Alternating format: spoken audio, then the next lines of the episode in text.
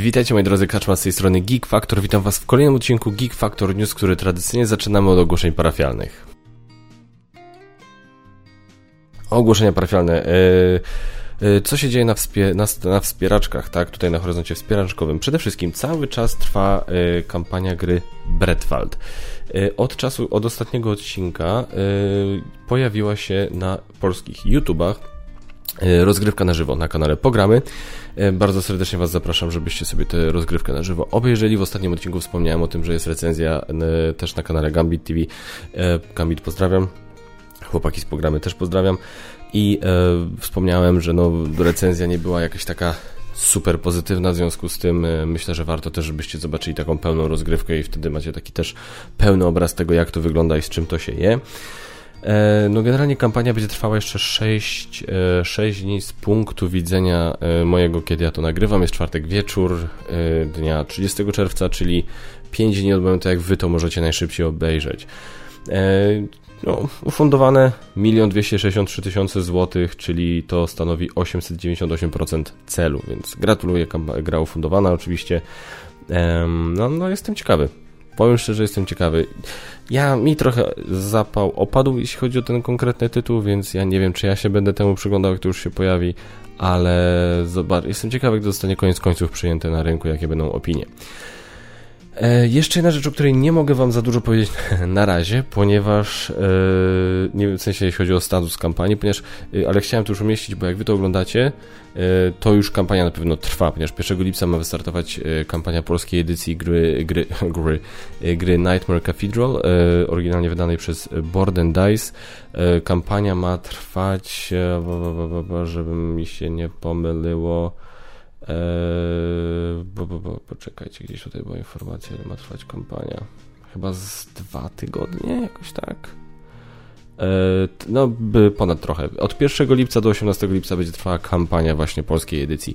Eee, u mnie na kanale raczej nie będzie materiału o tej grze podczas kampanii, no bo nie mam nie, nie, nic w planach niestety nie mam do 18 lipca pewno bym nic nie zdążył zrobić, aczkolwiek no ponieważ jestem ciekawy tej gry, mówię na razie grałem w życiu w jedną grę Boże Jakubackiego i podeszła mi tak sobie, więc nie wiem, ale no te, no te, te ilustracje i to jak to wygląda, to tak naprawdę kusi, kusi. Trochę jestem, trochę mnie zastanawia jedna rzecz, ponieważ e, w Polsce wydawcą gry, wydawcą gier Board and Dice, e, znaczy i różnych wydawców, to były zawsze, to byli e, Lucrum Games, Portal, wiadomo, Teotihuacan, Tekenu i tak dalej, Um, I też Rebel ostatnio z Origins piersi budowniczowie, więc jestem ciekawy, jak się stało, że teraz gra trafiła do Czachy, czyli w sensie, że tak mówię, to jest taka mała jakaś tam spekulacja, czy tamte inne wydawnictwa nie mogły, nie zmieściły, czy jakoś tak się wydarzyło. To jest taka pierwsza współpraca między Board Dice a Czachą. Jestem ciekawy po prostu z czego to wynika, ale no podejrzewam, że po prostu kwestia umówienia się. E, no i mówię, no natomiast mówiąc, mówię, jak gra z kolei wyjdzie po polsku, to jakoś tam postaram się ją, nie wiem, kupić, nabyć, zdobyć, żeby móc, no na pewno będę się ją przynajmniej przetestować. Więc jestem, jestem tego ciekawy i mówię, jak już będzie kampania trwała, to w kolejnych odcinkach Geek Factory będę Was informował, jak ta kampania wygląda. A teraz przejdźmy do. Bo to tyle, jeśli chodzi o ogłoszenia parafialne. Nic tutaj więcej nie mam dla Was. Yy, u nas się nic ciekawego nie dzieje. Do recenzji w tym tygodniu nic nie przyszło, więc, yy, więc tak spokojnie. To był spokojny tydzień. I tyle. Bardzo dziękuję Wam za dyskusję pod poprzednim tematem odcinka, y, która była w komentarzach. I teraz przejdźmy do kolejnego tematu, tego, y, do tematu tego odcinka tego tygodnia. E, dobrze, słuchajcie, dzisiaj ten pozostajemy w obszarze gdzieś tam na orbicie wydawnictwa Czacha Games, e, ponieważ dzisiejszy temat będzie dotyczył y, gry The Bridge, polskiej gra, która była ufundowana na Kickstarterze. E, Czacha Games prowadziła równolegle polską, że tak powiem, kampanię tej gry. E, dużo dobrego o tej grze słyszałem. E, Gambit ją tam zachwalał, parę innych pozytywnych głosów było, więc ja osobiście jestem gry bardzo ciekawy, klimatycznie bardzo mi się to podoba. I jakiś czas temu jeden z moich widzów się mnie zapytał po prostu w Q&A, co sądzę na temat takiej małej dramki, która tam wynikła. Pozdrawiam Kości Piony i Bastiony. I stwierdziłem, że to jest na tyle ciekawy temat, że nawet nie odpowiem na to tylko w e, QA, tylko po prostu zrobię z tego taki temat odcinka. Nie za długi, bo to nie będzie tak długo trwało jak ostatni, zeszłotygodniowy temat odcinka. Tutaj myślę, nie mam aż tyle do powiedzenia. E, tam też nie chciałem od razu odpowiadać, ponieważ e, chciałem też poczekać, aż się temat zakończy, jak się temat, jak się sytuacja cała rozwinie. No i z tego, co widzę na chwilę obecną, to wygląda, że temat jest zamknięty i możemy iść do przodu. Dla niewtajemniczonych, o co chodzi? E, oryginalny wydawca gry The Bridge, czyli e, nazywa się ten wydawca, już Wam mówię, e, Ludus Magnus Studio. Osobiście nie miałem styczności nigdy z wcześniej z tym wydawcą, ale tak się to wydawnictwo nazywa. E, kampania na Kickstarterze w którymś momencie została zawieszona, tak? Polska kampania się zakończyła, jak patrzyłem, e, kampania na Kickstarterze natomiast została zawieszona ze względu na tak zwany copyright claim, czyli ktoś tam złożył roszczenie w, w temacie praw autorskich, że jakieś prawa autorskie zostały naruszone. O co chodziło? Chodziło o podobiznę postaci, które zostały wykorzystane w grze The Bridge do innych postaci znanych ze świata popkultury. Mianowicie o tej ilustracji, którą widzicie po boku, e, jest ilustracja postaci, która się bardzo mocno kojarzy z pewną postacią z League of Legends. Nie mam bladego pojęcia na temat League of Legends, więc ja generalnie na przykład nie wiem, godzinę bym się patrzył na ten obrazek e, postaci z The Breach, by nie, nie wiedział, że, on, e, że ta postać do czegokolwiek innego może nawiązywać. Natomiast ta druga postać już jest dla mnie bardzo o wiele łatwiej rozpoznawalna, ponieważ ma to jak brzmi, nie dość, że brzmi jak łato z Mrocznego, z Gwiezdnych Wojen Mrocznego Widma, no to jeszcze no, to, to, to, po prostu jest jeden do jeden praktycznie, że ten, jeśli chodzi o ten wygląd. No i wiadomo, komu się to nie spodobało. Akurat nie Disney i Gwiezdne Wojny się odezwały, tylko Riot Games właśnie od League of Legends się odezwał i zrobił ten copyright claim. No i tam była jakaś e, przepychanka krótka.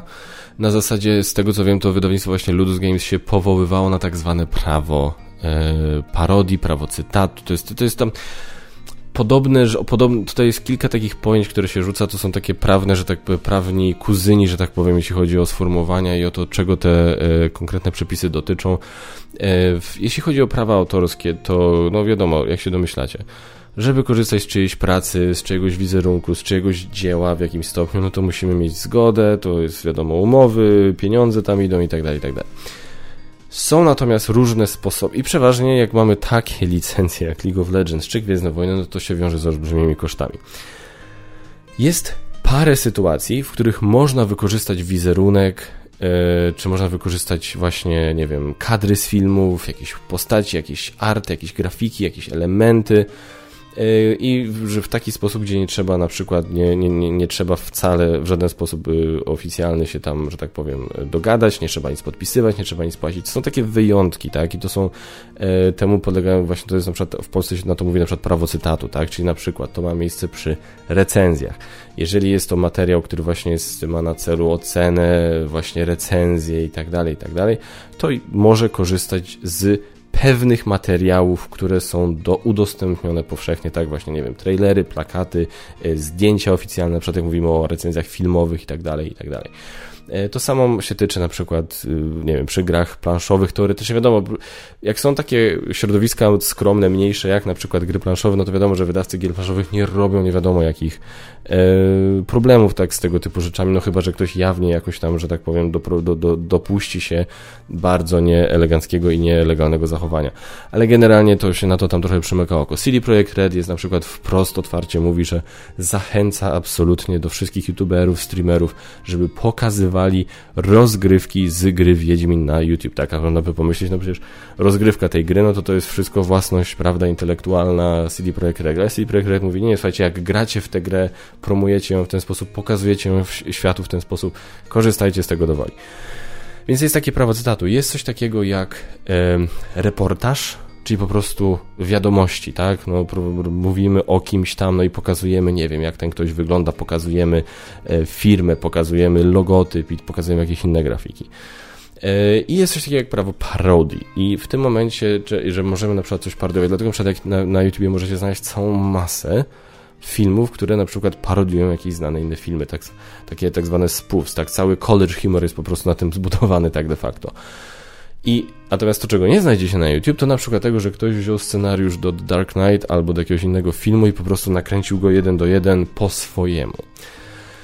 No więc o, o, co się rozchodzi? Czemu to tak de facto ma służyć? No myślę, że to jest w miarę oczywiste, e, że to ma służyć tak naprawdę temu, żeby, wiadomo, żeby e, właściciel praw autorskich nie mógł w złej wierze blokować pracy kogoś innego, zwłaszcza jeżeli ta praca może się przysłużyć w jakiś tam sposób szeroko pojętemu społeczeństwu, tak? Brzmi to bardzo górnolotnie, chodzi o to, że no jeżeli na przykład ktoś zachowuje się w jakiś sposób, tak, nie wiem, polityk, filmowiec, ktokolwiek, to y, publika, tak, twórcy YouTube'owi czy jacyś inni, mają prawo go krytykować, mają prawo i, i ta krytyka ma prawo być, mieć formę poważną, jest to wtedy jakaś właśnie krytyka, jakaś recenzja, jakieś coś, ma prawo też to być w postaci bardziej humorystycznej, czyli na przykład jakaś satyra, parodia i tak dalej, i tak dalej. Y, no i to ma służyć temu, prawda, żeby no, ktoś nie mógł powiedzieć, że mnie, mnie nie ma prawa nikt parodiować, y, prawa autorskie. Starają się, tak? Cały czas się, słuchajcie, starają. Są kanały na YouTube, które y, właśnie prowadzą, robią recenzje, jakieś materiały wykorzystują w tych recenzjach i studia filmowe czasami próbują ich blokować. Zgłaszają roszczenia na, w kwestii praw autorskich. Czasami im się udaje, bo to powiedzmy YouTube, no jest, tam pracuje tyle, ileś tam ludzi, twórców jest już teraz od groma, tych zgłoszeń jest tyle, że czasami z automatu leci blokada i zanim ktoś się od tego odwoła i to zostanie rozpatrzone, to to masa, to to strasznie długo czasu, dużo czasu mija. E, jest parę studiów, które jest Całkiem spoko pod tym względem. Słyszałem, że Disney, e, Critical Drinker na jakimś live streamie opowiadał, bardzo fajny recenzent e, szkocki, opowiadał o tym, że właśnie Disney jest wbrew pozorom bardzo wyluzowany, jeśli chodzi o korzystanie z ich materiałów promocyjnych. Oczywiście ujęcia, które są w trailerach na przykład, czyli materiały promocyjne, nie żebyście sobie zrypowali odcinek cały i wrzucili w ramach recenzji, ale ujęcia, które i tak gdzieś tam krążą, oni nie mają z tym problemu, nie robią z tego tytułu y, żadnych roszczeń, nie, nie, nie, nie wrzucają ani blokad. No więc więc tak. Um, więc, no wiadomo, no więc to ma temu służyć, żeby po prostu ktoś nie mógł się bronić przed, obro, przed oceną, przed krytyką właśnie na zasadzie praw autorskich. To temu ma służyć. No i teraz jak to się wszystko ma do The Bridge? No więc studio, wydawnictwo Ludus Game powiedziało, że oni właśnie robili to na zasadzie takiej parodii e, i że w ten sposób się chronią przed tymi roszczeniami, przed roszczeniami praw autorskich. E, jak się w tym, jak w tym wszystkim wygląda Chaha Games? E, Chaha Games, jak tam zostało, e, z tego co widziałem, były komentarze na grupie gry planszowe, które pokazywały, że ten temat był już podniesiony. Użytkownicy pokazywali, wysyłali tam do Chaha Games, tam, że no gdzieś w komentarzach na jakiejś dyskusji pokazywali, ej, a co tu się dzieje z tym? Przecież to jest Żyna z, z Lola, tak? I tam Chaha Games odpowiadała coś takiego, że na zasadzie, no nie wpadliście na to, że to zostało dogadane. I teraz i, i, i, czyli w domyśle jest coś takiego, że z tego co Czacha, że stan wiedzy Czacha Games był taki, że Riot z Ludusem ma to wszystko dogadane, ma tam z Gwiezdnymi Wojnami to wszystko dogadane, że tam nie ma żadnych problemów, tak? Eee, I ja to jestem w stanie w 100% kupić. Dlaczego? Ja na przykład jak tworzę wideoinstrukcje, czy jak tworzę właśnie, e, tworzyłem jakieś tam inne, widzieliście, materiały na, z, na zlecenie, E, to ja również podpisując umowę przekazywałem właśnie możliwość w tej umowie do wykorzystywania tych materiałów tam na stronach e, wydawców i tak dalej, i tak dalej. No ja tam podpisywałem i tam jest taki zapis w umowie, który mówi, że ja deklaruję się, że wszystko, co wykorzystałem w swoim filmie, to są rzeczy, do których ja mam prawo, tak? I e, to jest, i to jest dosyć istotne, tak? Czyli, że grafiki, jakieś rzeczy, nie wiem, miejsca, osoby, które są pokazywane na tych filmach, że to jest wszystko po mojej stronie ciąży odpowiedzialność, żeby to było wszystko zgodnie z prawem zrobione. Żeby nie było tak, że nagle ktoś, kto był, kto wystąpił w moim filmie, z, przyczepi się do, nie wiem, e, co do wydawnictwa Trew, tak, zgłosi roszczenie i będzie pozwie ich do sądu, że bo wydawnictwo Trew wzięło filmik, pojawił, pokazało go u siebie i teraz ktoś z mojego filmu będzie miał problemy do Trefla. Nie, Tref wtedy pokazuje umowę, nie, sorry, my jesteśmy tu zabezpieczeni, bo to po stronie tego pana było, żeby się przed tym chronić. I byłbym bardzo zdziwiony, gdyby podobny zapis nie był gdzieś tam na umowie licencyjnej pomiędzy Ludusem a Czachą, tak? Że jakby Czacha mówi, ok, bierzemy tutaj wszystko fajnie, natomiast wy, po waszej stronie jest obowiązek, odpowiedzialność, żeby te wszystkie grafiki, żeby wszystko to było elegancko, zgodnie z prawem, bez żadnych problemów. Byłbym bardzo zdziwiony, gdyby takiego zapisu nie było, tak? Oczywiście jest też coś takiego jak no, zdrowy rozsądek i domniemanie, funkcjonuje coś takiego jak w, w prawie, jakby to to wyglądało, gdyby takiego zapisu nie było, no to już nie wiem, no ale generalnie tak, można domniemać, że jeżeli y, Czacha Games de facto podpisuje tylko licencję na wydanie danej rzeczy w naszym kraju, to nie może być pociągnięty do odpowiedzialności za coś, czego nie dopatrzył oryginalny wydawca. Więc jakby tutaj y, nie mam żadnego problemu z tym, y, żeby uwierzyć, że Czacha Games faktycznie na ich stan, że na, z tego co oni wiedzieli, to jakby tam było wszystko załatwione. No i mówię, tam jakiś czas temu się powoływali, e, z kolei Ludus w międzyczasie się tam e, właśnie jakoś tam taka, no zakulisowo to się wszystko działo, no, tam dyskutowali z Riotem, żeby właśnie jakoś dojść do porozumienia, no i oni się powoływali na prawo parodii. W mojej skromnej ocenie to prawo parodii tutaj nie ma zastosowania. No, zobaczcie, widzicie te ilustracje, ci, którzy oglądają. Możecie sobie to znaleźć w internecie bez problemu.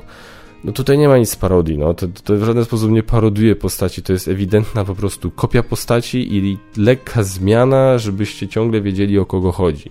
No więc to nie jest w porządku, to, to nie jest parodia ani z tych rzeczy. Prawo parodii działa i może działać w bardzo zaskakujący sposób. Ja nawet niedawno opowiadałem kazus czegoś takiego jak e, Dumb Starbucks, czyli głupi Starbucks. Ktoś sobie otworzył kawiarnię, i kurde, zapomniałem sprawdzić, czy ta kawiarnia jeszcze istnieje. Ktoś sobie jakiś czas temu otworzył kawiarnię, którą nazwał Dumb Starbucks i wykorzystywali wszystko ze Starbucksa, logotypy, e, układ kolorów. To jest e, po prostu wszystko, co oni e, mogli, co Starbucks robił. Oni zrobili dokładnie tak samo, tylko po prostu wszędzie dodali słowo dam, czyli głupi. I chodziło wszystko o to, że oni właśnie mieli, korzystali z prawa parodii. Starbucks nie mógł się ich przynajmniej od razu, bo nie wiem, czy oni byli długo Eee, Jezu, nie, to jest jakiś odcinek, ja nie chcę odcinka, chcę prawdziwą tą. Eee, dobra, to już nie jest chyba niestety e, czynne. No to wiadomo było, że coś takiego nie może za długo trwać. No ale byli i tak, i przez jakiś czas funkcjonowali jako kawiarnia. I Starbucks tak od razu nie mógł z nimi zrobić, właśnie mogli się powołać na to prawo parodii że jakby to niby nie jest Starbucks, to jest parodia Starbucksa. No i to użycie słowa głupi, no ewidentnie wskazuje, że to jest parodia, więc jakby no żeby móc zastosować prawo parodii, i to jest czasami śliskie, ja to rozumiem, że ta granica może być śliska, bo to jest też kwestia gustu na zasadzie, e, ale co, to znaczy, a jeżeli mnie nie, nie rozbawiło coś, to to już jest parodia, czy nie? No dla mnie to nie jest parodia, bo mnie to nie bawi, tak? Czyli w takim razie z mojego punktu widzenia to jest kopia. I to jest troszkę śliskie. To nie jest, jakby wiecie, no to jest. To jest gdyby prawo było oczywiste i jednoznaczne i, i nie byłoby problemów z wyrokowaniem, tak po czyjej stronie jest racja, to cały zawód prawnika nie miałby w ogóle e, sensu ani sensu istnienia. E, no a że jest jak jest, no to właśnie dlatego prawnicy kasują ile kasują. No bo to wszystko właśnie jest takie troszkę y, czasami potrafi. Czasami oczywiście są przypadki czarno-białe, super, ale czasami nie. No i taki Dam Starbucks był właśnie chyba takim przypadkiem trochę nie do końca czarno-białym, więc nie wiadomo było i tam się bojowali, bojowali, ewidentnie się nie udało. E, no i jak się skończyła sprawa między Ludus a między Riotem? No nie poszli na to, że to jest prawo parodii. Ja się osobiście z tym, z tą oceną sytuacji zgadzam. E, I się dogadali, no i niestety no po prostu postacie zniknęły, zamiast tego e, The Bridge na, kick, na Kickstarterze dał ogłoszenie, tak? I opowiadali, że Dzięki rozmowom podjętym z wydawnictwem Riot Games Incorporated i ich e, chęci rozwiązania e, e, sprawy ugodowo udało się nam wypracować coś nowego. Jest to nowy dodatek, który się nazywa copyright, czyli prawa autorskie.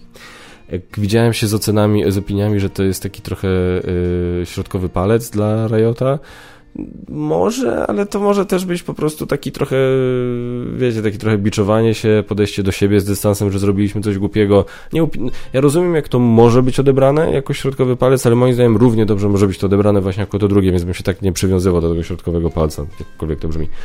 Um, I e, e, tutaj napisali, że właśnie, że dziękujemy wszystkim za setki wiadomości, które otrzymali, za olbrzymie wsparcie, jesteśmy Wam zadłużeni, E, I e, właśnie tutaj jest coś takiego, taka informacja, o właśnie, że do, do, dodaliśmy taką właśnie zabawną nazwę tej nowej wersji, żeby trochę się pośmiać i żeby zachować jakieś takie, takie wspomnienie tej lekcji, którą to był, która to była, że wszyscy popełniamy błędy, naszym obowiązkiem jest przeprosić, naprawić i się nauczyć. Wszystko spoko, żaden problem, no czy żaden problem, no jest jakby temat wyprostowany, się dogadali między, sobą, gra się w tym momencie ukaże, najprawdopodobniej tak jakby tutaj już, już nie widzimy żadnych problemów, żeby się gra miała nie ukazać. E, więc, więc to cieszy, tak? No bo wiadomo, gdyby gra się, gdyby tam do czegoś doszło takiego, żeby, nie wiem, Riot się uparł i chciał gotówki i Ludus by stwierdził, ale no to my nie mamy, to by musieli odwołać po prostu wydanie tej gry, no i wtedy Polacy też by tej gry nie dostali. Więc cieszmy się, że gra, która z tego co słyszałem jest bardzo dobra, ukaże się po angielsku, po polsku. Wszystko super. Jedyne dla mnie, co by się zapaliło, zapala się taka czerwona lampka w takich sytuacjach. Absolutnie nie mówię, że tak musi być. Mam nadzieję, że tak nie będzie, e, ale po prostu. Nie wiem, może jestem naiwny, może oczekuję za dużo, ale dla mnie, jeżeli robię grę albo cokolwiek i wykorzystuję w niej e, coś, co jest ewidentnym nawiązaniem, hołdem, kopią, parodią, zwał jak zwał, postaci z innego, bardzo znanego i drogiego uniwersum, to, to od razu mi się zapala lampka, ej, czy tu jest wszystko ok? Czy tu jest wszystko dograne, dogadane, czy tutaj nie ma żadnych wątpliwości? I jakby trochę mnie dziwi, że nie pochylono się nad tym bardziej w Ludusie. Rozumiecie? To, to, jest, to jest dla mnie taka czerwona lampka i, i, i, ja zawsze mam, mówię, ja trochę jest, mam lekką paranoję z takimi sytuacjami, e, zwłaszcza jak to są jakieś takie nowsze podmioty, znaczy nie wiem sobie na ile nowym podmiotem jest Ludus, bo ja, ich nie, o, ja o nich nie słyszałem, może działają kuźwa od dawna, ale generalnie e, ja zawsze się boję w takich sytuacjach, że ok, jeżeli nie ogarnęli takiego tematu, to czego jeszcze nie ogarniają? Rozumiecie? I to jest takie od razu. Nie mówię, że tak będzie tutaj, podejrzewam, że nie. My, myślę, że nie powinno być tutaj żadnych problemów, ale czasami mi się takie czerwone lampki w takich za, za, zapalają, no bo umówmy się, no do, do tego nie powinni byli doprowadzić. To jest, to jest taki dosyć, bym powiedział, amatorski błąd. Bo mówię, no, robimy coś takiego, bierzemy postaci z takich uniwersów, no to sorry, no to, to, to musi być dopięte na ostatni guzik. Disney na tym etapie praktycznie rządzi światem i nie wyobrażam sobie, żeby po prostu, żeby im podpaść, jeżeli chce jeszcze funkcjonować na rynku. Więc na razie jednak wszystko wygląda na to, że temat został rozwiązany. Yy, osobiście mówię całą odpowiedzialnością, bo bardzo za ten bałagan wydawnictwo Ludus. Nie widzę tutaj za dużo zawinienia po stronie Czachy, czy tam jaka komunikacja. Ktoś tam zarzucał, że komentarze były jakieś takie ze strony Czachy, trochę takie jakby to powiedzieć, lekceważące e, wobec niektórych osób, które zwracały na to uwagi, to już jakby pozostawiam ocenę osobom, które te komentarze czytały i do których te komentarze były skierowane. Ja tam bym się aż tak tego nie czepiał, ja po prostu odbierałem to na zasadzie, no, no halo, no jasne, że to jest załatwione, no bo pewnie uwierzyli Ludus Games, że to jest załatwione, albo myśleli i mieli prawo myśleć, że Ludus Games temat generalnie ogarną. A że nie ogarnęli, no to jakby to już inna kwestia. Więc to, co jest najważniejsze, to jest to, że temat jest na chwilę obecną załatwiony, gra się z tego, co widzimy teraz, ukaże. No tamtych postaci oczywiście nie będzie, ale będzie co innego i czekamy. Czekamy na grę. Ja się generalnie, osobiście uważam to za szczęśliwe zakończenie całej afery, bo mówię, gdyby na przykład Riot się uparł, że chce jakieś pieniądze, to mogłoby to pójść w bardzo złą stronę. Na szczęście jednak na razie nic takiego się nie wydarzyło, więc wszystko wskazuje na to, że gra się ukaże. Dobra, to by było na tyle, jeśli chodzi o temat odcinka. Newsy, moi drodzy. Teraz parę newsów filmowo-telewizyjnych. Przelecimy szybko, bo tutaj aż tak też za dużo specjalnie e, tematów nie ma do omówienia. Ghostbusters Afterlife pojawi się kolejna część, czyli sequel do Ghostbusters Afterlife, czyli czwarta część ogólnie tej głównej e, sagi Ghostbusters. E, grudzień 2023, premiera filmu. Jeszcze nie widziałem kto tam ma się pojawić, czy znowu powróci cała obsada, czy nie, to jeszcze jest wszystko tam w powijakach. E, osobiście na pewno to obejrzę. Bardzo mi się podobał, znaczy inaczej, podobał mi się Ghostbusters Afterlife. Nie aż tak bardzo jak niektórym. Widzę, że niektórzy się naprawdę tym filmem zachwycają. I okej, okay, w porównaniu do tego e, kobiecego Ghostbusters, to faktycznie. Tak to powiedziałem i zaraz będą komentarze, że bo co, bo był kobiecy. Nie, bo był kiepski scenariusz ale w porównaniu do tam, inaczej, w porównaniu do Ghostbusters z 2016 roku, oczywiście, że był lepszy, ale mimo wszystko, powiem szczerze, miałem nadzieję na trochę więcej, miałem nadzieję, że główna obsada będzie na trochę dłużej, e, myślałem, że może będzie trochę więcej akcji, nie był aż tak zabawny, jakbym chciał, żeby był, więc e, aktorsko mi się podobał, było fa parę fajnych scen, zobaczyć ich znowu razem na ekranie to jest naprawdę gratka, bardzo wzruszający hołd dla Harolda Ramisa, więc naprawdę dużo dobrego, naprawdę mi się podobał i chcę obejrzeć więcej, tak?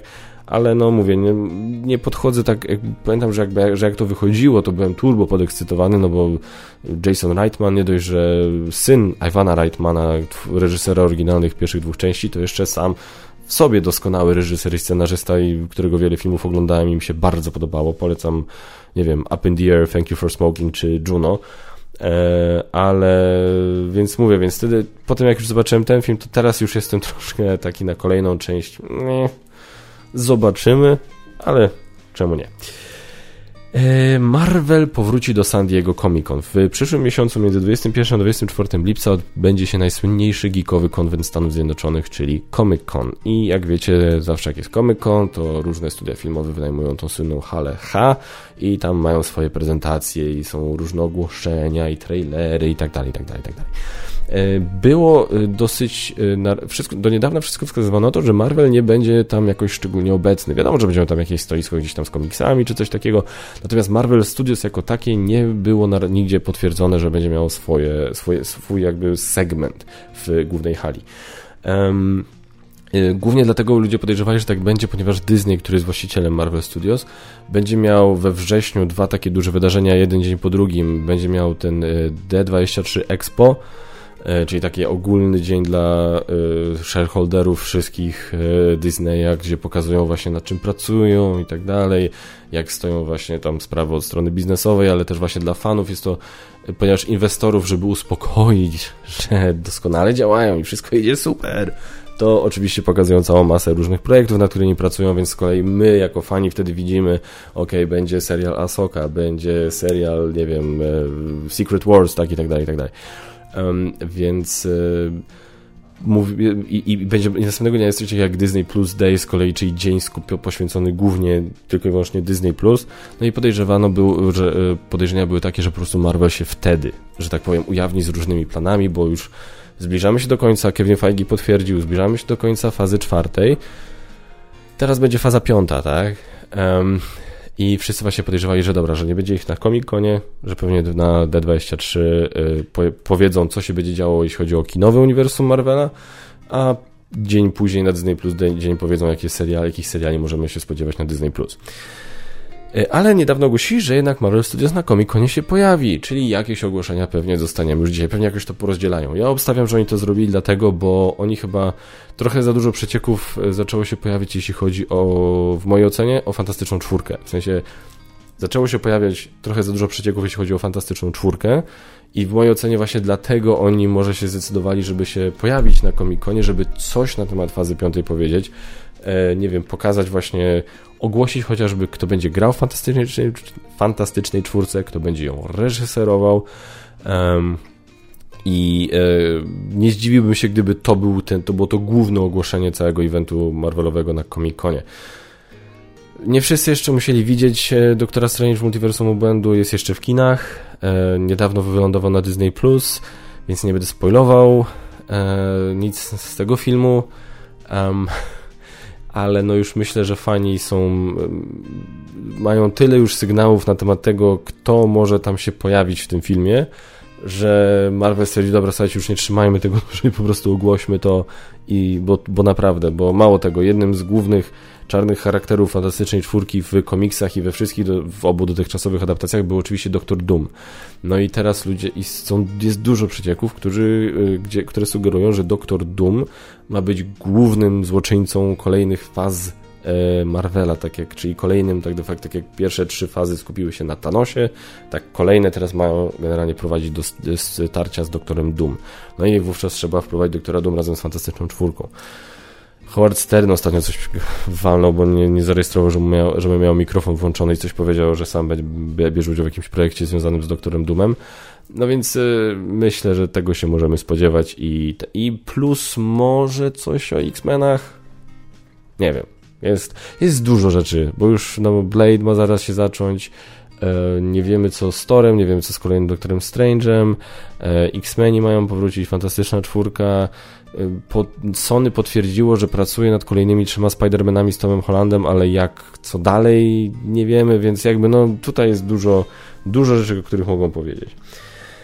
E, Cameron Diaz, słuchajcie, świetna aktorka w 2018 yy, e, przeszła na emeryturę i teraz stwierdziła, że z emerytury, emerytury wraca, czyli to była bardzo intensywna, czteroletnia emerytura. E, bardzo dużo mówiła o tym, że generalnie jest jej dobrze i że nie potrzebuje już więcej grać, ale się zgodziła wrócić do filmu Back in Action, w którym będzie grała razem z Jamie Foxxem. Film się pojawi na Netflixie, z tego co wiem. E, więc e, jeżeli jesteście fanami Cameron Diaz i za nią tęskniliście, to możecie być spać spokojnie, że powróci. Na Netflixie pojawi się też film The Electric State, e, nowy film w reżyserii Joe i Antoniego Russo, e, w którym główną rolę będzie grała Millie Bobby Brown. E, film, który opowiada o jesteśmy w jakimś postapokaliptycznej przyszłości, jakaś dziewczyna z robotem i z jakimś dziwnym facetem podróżują przez właśnie ten świat w poszukiwaniu jej brata. E, były jakieś głosy że, głosy, że tego gościa, z którym ona podróżuje, ma grać Chris Pratt, ale jeszcze tam umowa nie jest podpisana. Natomiast właśnie film będą reżyserowali bracia Russo, a scenariusz mają napisać e, Christopher Marcus i Stephen McFeely, czyli cała ta ekipa czterech panów, dzięki którym zawdzięczamy kapitany, dwie części kapitana Kapitan Ameryki oraz Avengers Infinity War i Avengers Endgame. A niedługo będzie na Netflixie film The Grey Man, też tutaj od tych panów. Więc no jest na to, jest na co czekać. E, I kolejna rzecz będzie trzeci film e, serii The Equalizer, czyli Equalizer doczeka się trylogii. Obejrzałem pierwszą część z Denzelem Washingtonem oczywiście, bardzo mi się podobała. Obejrzałem drugą część, zasnąłem, więc będę musiał ją dokończyć bo będzie trzecia część. Na razie nie wiemy za dużo, oprócz tego, że oprócz Denzela Washingtona zagra w tym filmie Dakota John Fanning. Dakota Fanning, e, którą możecie kojarzyć, bo grała kiedyś z Denzelem Washingtonem, Washingtonem w filmie Men on Fire. Tylko oczywiście wtedy była dużo, dużo młodsza i e, teraz podejrzewam, że tak jak ta Chloe Grace Moretz była osobą, której Equalizer pomagał w pierwszym filmie, tutaj pewnie będzie Equalizer pomagał jej w trzecim filmie. E, no, więc Osobiście czekam, Antoine Fuqua będzie reżyserował, bardzo gościa lubię. Niedługo będzie serial, gdzie pierwszy odcinek właśnie reżyserował Antoine Fuqua, czyli The Terminal. Zresztą jak wy to oglądacie, to serial już jest na Amazon Prime. Dobra, słuchajcie, jeśli chodzi o newsy, to tyle. Przechodzimy do Q&A. Q&A, moi drodzy, czyli miejsce, gdzie my możemy sobie porozmawiać. Wy zadajecie pytania w komentarzach, ja na nie odpowiadam w kolejnym odcinku. I teraz lecimy. Tomasz Błaszczak, dzięki wielkie za turbo długi komentarz. Pozwoli, że nie będę czytał całego komentarza i skupię się na Twoich pytaniach. Które gry są dla Ciebie najgorsze, najgorsze z perspektywy osoby mającej problemy z rozróżnianiem kolorów? Widziałeś Bretfaldę? Jeśli tak, to jak ją oceniasz pod tym kątem? Eee, że jakby chyba bym sobie z nią poradził. Natomiast y, jest ciekawa graficznie, ale nie, to, jest, to jest właśnie to jest interesujące. Jest moim zdaniem ciekawa graficznie, ale nie jest ładna. Nie nazwałbym jej ładną. Natomiast powiedziałbym, że jest ciekawa. E, ale myślę, że my sobie ogólnie z nią poradzimy. Jeśli chodzi o najgorsze takie gry, to ostatnio wrzucałem recenzję Origin, znaczy jakiś czas temu, wrzuca, czas temu wrzucałem recenzję Origins i tam dałem nawet taki fragment, zdjęcie wrzuciłem kilku komponentów, które są tego samego koloru niby, przy czym na każdym z tych komponentów ten kolor jest w innym odcieniu. I to w ogóle nawet nie tylko ja, ale też Panda na to zwrócił uwagę, który nie ma problemów generalnie z rozróżnianiem kolorów. Więc Origins było tragiczne pod tym względem. No i słuchajcie, już dla mnie taka prywatnie kultowa y, historia z grą Yamatai w którą nie byłem w stanie grać. No, dostałem ją, do, zagraliśmy w nią na e, festiwalu Gramy, grał z nami, ze mną i z Basią zagrał w WC, to powiedział, no jak się gra i tam wtedy mi podpowiadał co i jak. I gra by mi się bardzo spodobała, naprawdę ciekawa, fajna tutaj. Ale po tym jak zaczęliśmy grać w domu, to ja na to patrzę, mówię, to nie wiem, nie potrafię. I koniec końców skończyło się na tym, że ja zrobiłem wideoinstrukcję i tam do wideoinstrukcji sobie przygotowałem jakieś tam rzeczy, ale do recenzji dałem ją Magotowi, bo ja nie byłem w stanie w nią po prostu zagrać, więc e, to jest Yamatai, ostatnio bym powiedział Origins. E, czy będzie recenzja dodatku do zewnętrznych rubieży? Oczywiście, że tak. Jakie jest Twoje zdanie na temat programu Hobby Next Rebela? Nie kojarzę tego programu, więc pozwól, że, przydam po prostu Twój komentarz. Dam Ci kontekst. Program, w którym, e, w którym założeniu Rebel promuje sklepy stacjonarne, tylko że wcale. Ostatnio fatalnie poszła akcja z promkami do zewnętrznych rubieży w ramach tego programu. Można było, e, a w zasadzie to nie, dostać metalowe znaczniki reputacji zastępujące te kartonowe. To byłoby fajne. Jak się okazało, promki dostali ci, e, e, którzy zamówili dodatek czy dodruk podstawki przed sprzedaży i to nie tylko w sklepach biorących udział w akcji, a nawet u samego Rebela, a ludzie, którzy kupili je blisko premiery w innych sklepach internetowych. Promki były dorzucone do zamówienia, co zaskoczyło samych kupujących.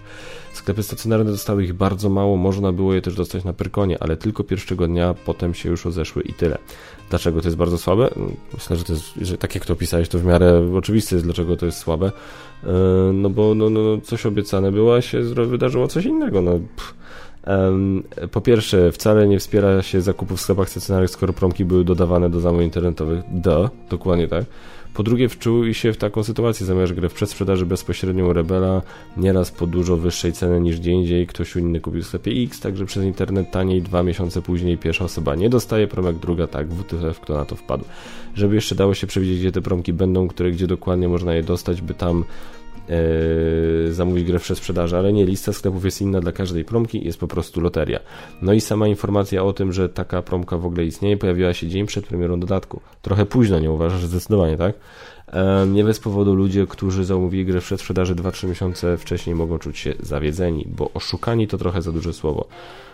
No, oszuka, no właśnie, no oszustwo to gdzieś tam zakłada jakby yy, premedytację i, i, i, i złą intencję, tak? A, a nie uważam, że do tego doszło. Myślę, że, to, że tak jak jest to, jeżeli jest tak jak jest właśnie, jak, tak jak opisałeś, a nie mam powodu sądzić, że było inaczej, to myślę, że to jest po prostu ktoś gdzieś tam się machnął przy tym, jak to zostało zorganizowane i po prostu jak to zostało, e, jak ta informacja została przekazana, przekazana społeczności. Um, Efektem akcji Rebela jest to, że ludzie, którym najbardziej zależy na takich promkach, zostają z niczym, a te trafiają do randomowych ludzi, którzy zaskoczyli się w momencie ich otrzymania przy otwarciu paczki. I w żaden sposób nie wariantowało to, czy kupią grę, czy nie. Gdzie tu sens i logika? E, po forum gry planszowe.pl swoją drogą nie, nie przypadam za tym forum, nie bywam tam zbyt często.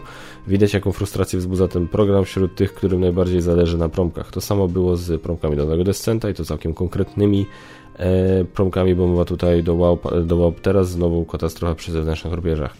Kaczmar, jeśli masz jakieś dojście i możliwości, to szepnij proszę komuś w rebelu słówko, że to co odwalają z tym programem i to jak on nie działa, to jest po prostu jakaś kompromitacja i muszą to zmienić. A jakby się dało, to załatw mi też taki zestaw znaczników, szczerze powiedziawszy, nie mam pojęcia, gdzie mógłbym go teraz dostać. Eee ja powiem tak, nie, nie chciałem robić czegoś takiego, że się spytam i potem będę przekazywał słowa rebe, kogoś z Rebela, bo nie. No oczywiście mam dojścia do ludzi z Rebela i powiem tak, y, mam w planach absolutnie nagrać podcast, y, w którym będę rozmawiał, pamiętam, mówiłem jakiś czas temu, że mam taki plan nagrać podcast, w którym będę rozmawiał o, tych, o tym, co mówiłem jakiś czas temu na Geek Factor News, gdzie te błędy w instrukcjach i tak dalej, błędy w tłumaczeniu i w ogóle czemu ciągle to się dzieje. Mój plan na ten podcast był taki, żeby zrobić, nagrać go z kimś, kto jest y, z małego wydawnictwa i z kimś, kto jest z dużego wydawnictwa. No i z małego wydawnictwa myślałem o Grzegorzu z Underworld Kingdom, a o większym wydawnictwie właśnie o Rebelu.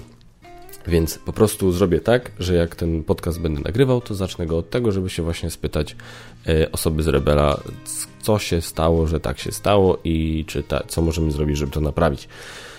Oczywiście taką osobę uprzedzę, żeby ta osoba przyszła przygotowana, więc mówię, no nie chciałem robić teraz tutaj, wiecie, za, robić głuchego telefonu, ale no na pewno się będę chciał, temat, e, będę się te, tematem się bliżej zainteresuję, jak będę ten podcast nagrywał.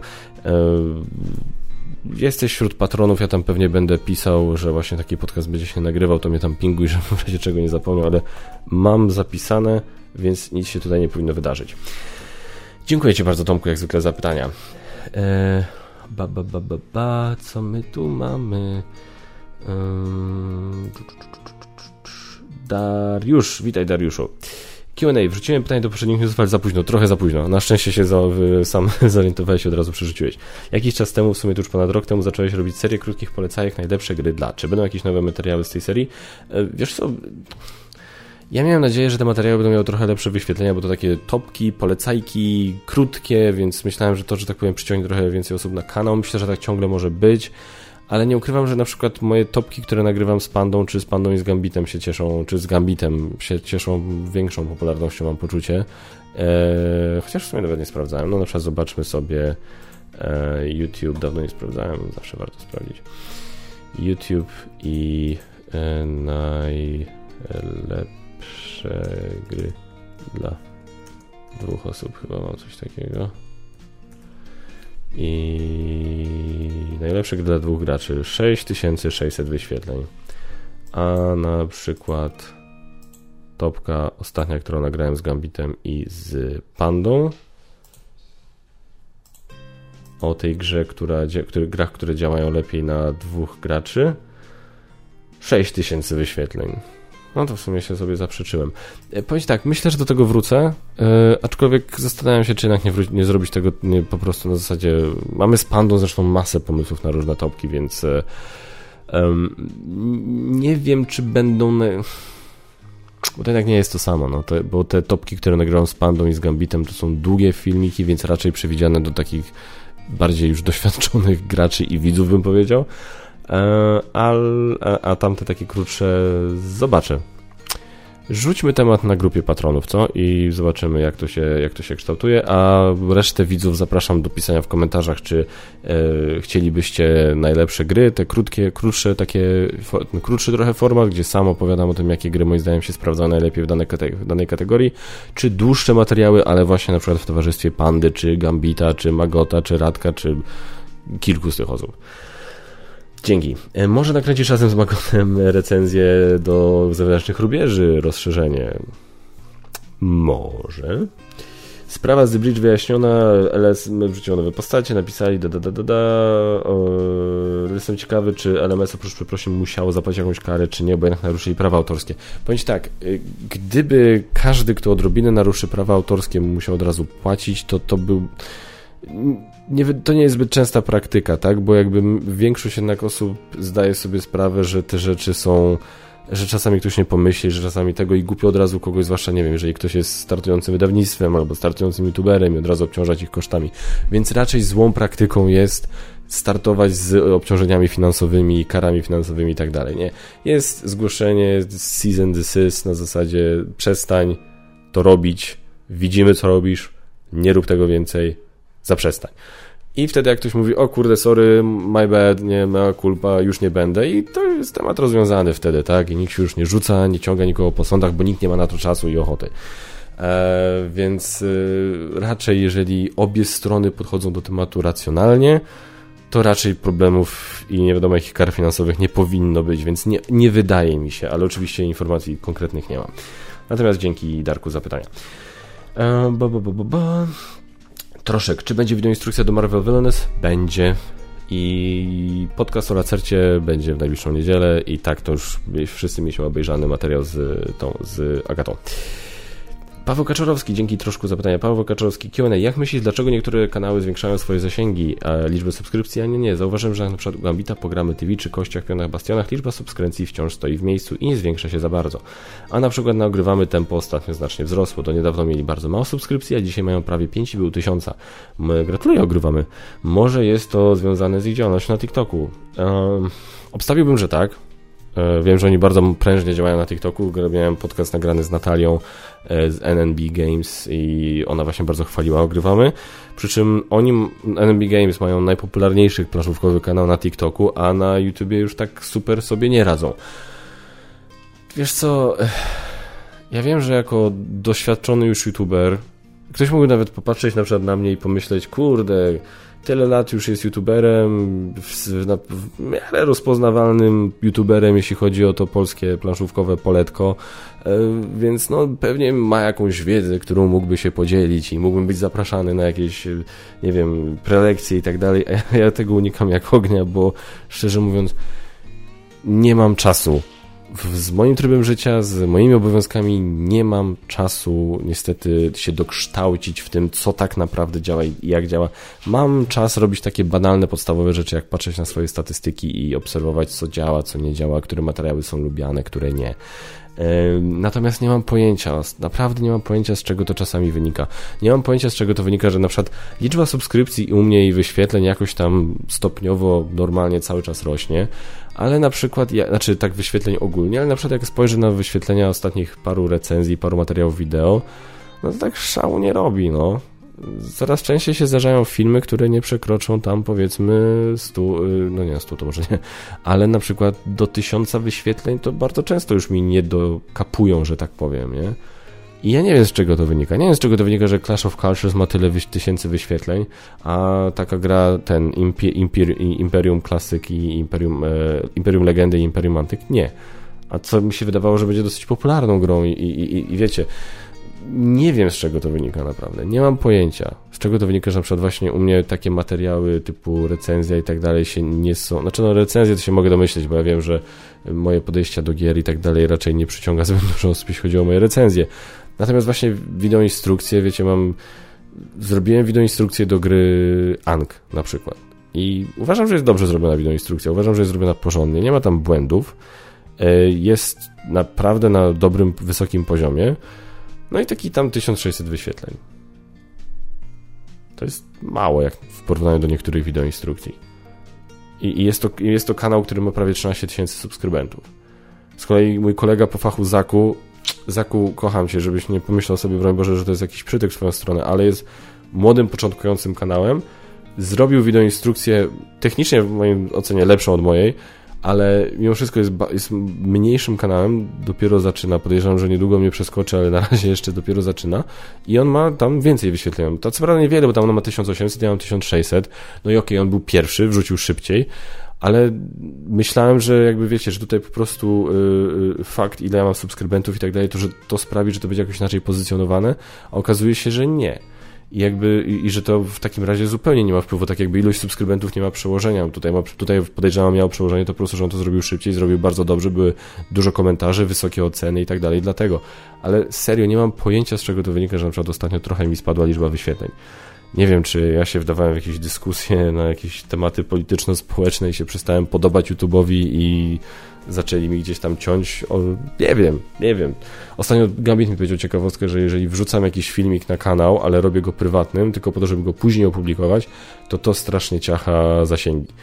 Bo YouTube to czyta jako film, który już jest, ileś wisi, a nie ma żadnych wyświetleń. Nie wiem.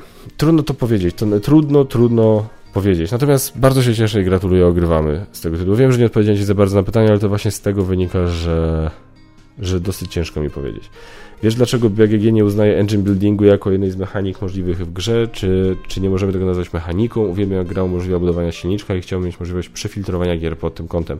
Powinni mieć możliwość filtrowania pod tym, nie wiem, czy by to nazwał mechanizmem. Yy, z jednej strony tak, z drugiej strony to bardziej dla mnie brzmi jak kategoria gier. Trochę jak wiesz, e, sałatka punktowa, czy sałatka punktowa jest mechanizmem, E, wiesz, jak e, LCG, czy to jest mechanizm, to jest, wiesz, bardziej rodzina gier, gdzie budujemy silniczek, natomiast, bo mechanika to jest coś, co wykorzystujemy do budowania silniczka, nie? Czyli na przykład tutaj budujemy silniczek zagrywając i, draftują, i draftując i zagrywając karty. Tu budujemy silniczek e, budując sobie tablo na przykład, nie? Więc jest, engine building jest tym celem, do którego dążymy poprzez właśnie różne mechanizmy i mechaniki. Więc może dlatego to nie jest w ten sposób. Ale i tak uważam, że powinna być opcja filtrowania po tym, nie? bo mi wszystko to jest dla mnie jakaś taka, może nie mechani może to nie jest mechanika, to jest dla mnie kategoria gier i uważam, że po tym powinna być opcja filtrowania. Prośba o twoją opinię na temat trzeciego sezonu The Boys. Jest zajebisty. Jezu, uwielbiam The Boys. Uwielbiam, a w pierwszym scenie, w pierwszym odcinku jest taka jedna genitalna scena, w której myśmy, myśmy z Basią tę scenę zobaczyli. No jest beka z Antmana. I ja tak, jak ja żałuję, że myśmy nie nagrywali naszych reakcji. To jest jedna z lepszych scen The Boys. Um, a ostatni odcinek z Hero Gasm i po prostu genialny. Naprawdę świetny. Nie jestem fanem tego, co robią z Huey, powiem szczerze.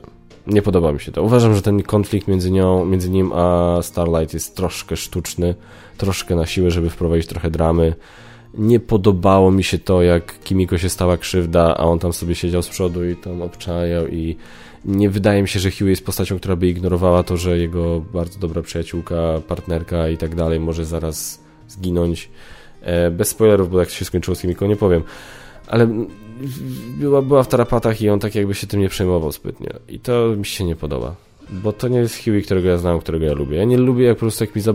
I tam słyszałem argumenty, gadałem, że to jest, że on jest pod wpływem wiadomo czego. Jakby okej, okay, ja bym zaakceptował jakąś zmianę, ale tak szybką i tak drastyczną to jest troszkę za dużo, jak dla mnie. I też wątek Kimiko i Francuza jest taki... No, mam mieszane uczucia. Ale wszystko poza tym super. A Soldier Boy jest genialny. Tyle, dzięki Ci wielkie Paweł za pytania. Eee... Możesz na w ogóle nie jeść mięsa, Paweł Cyzman, można w ogóle nie jeść mięsa i kwestia tego, czy gorszy jest myśliwy, czy mięso z hipermarketu odpada. Oczywiście, że tak, ale ja nie mówiłem tego w tym kontekście jakby. E, bo jakby w sensie w samym ogólnie jedzeniu mięsa w mojej ocenie nie ma nic moralnie złego. Wszyscy należymy do królestwa zwierząt, zwierzęta siebie nawzajem jedzą, żeby przeżyć, tak? E, ja po prostu to mówiłem w kontekście tego, że e, jak już patrzymy, że gdybyśmy mieli krzywo patrzeć na wszystkich myśliwych, to z punktu widzenia moralnego, to równie dobrze powinniśmy patrzeć krzywo na wszystkich ludzi, którzy jedzą mięso, tak? Na tej, o to mi chodziło, że jeżeli byśmy mieli do wszystkich myśliwych uznać za morderców, to wszystkich, którzy jedzą mięso, też powinniśmy uznać za morderców. A nie wydaje mi się, że do końca, że jest taka narracja, nie? Uważam, że myśliwych się traktuje jako gorszych ludzi od wszystkich innych, a to nie do końca tak jest. Do Q&A pytanie. W materiale o Batmanie wspomniałeś o komiksach z tym bohaterem. Które polecasz, czy kupujesz na bieżąco? Już dawno, nie, nie, nie. Wiesz co, ja komiksy to z Batmanem to czytałem jak byłem młody, tak naście lat.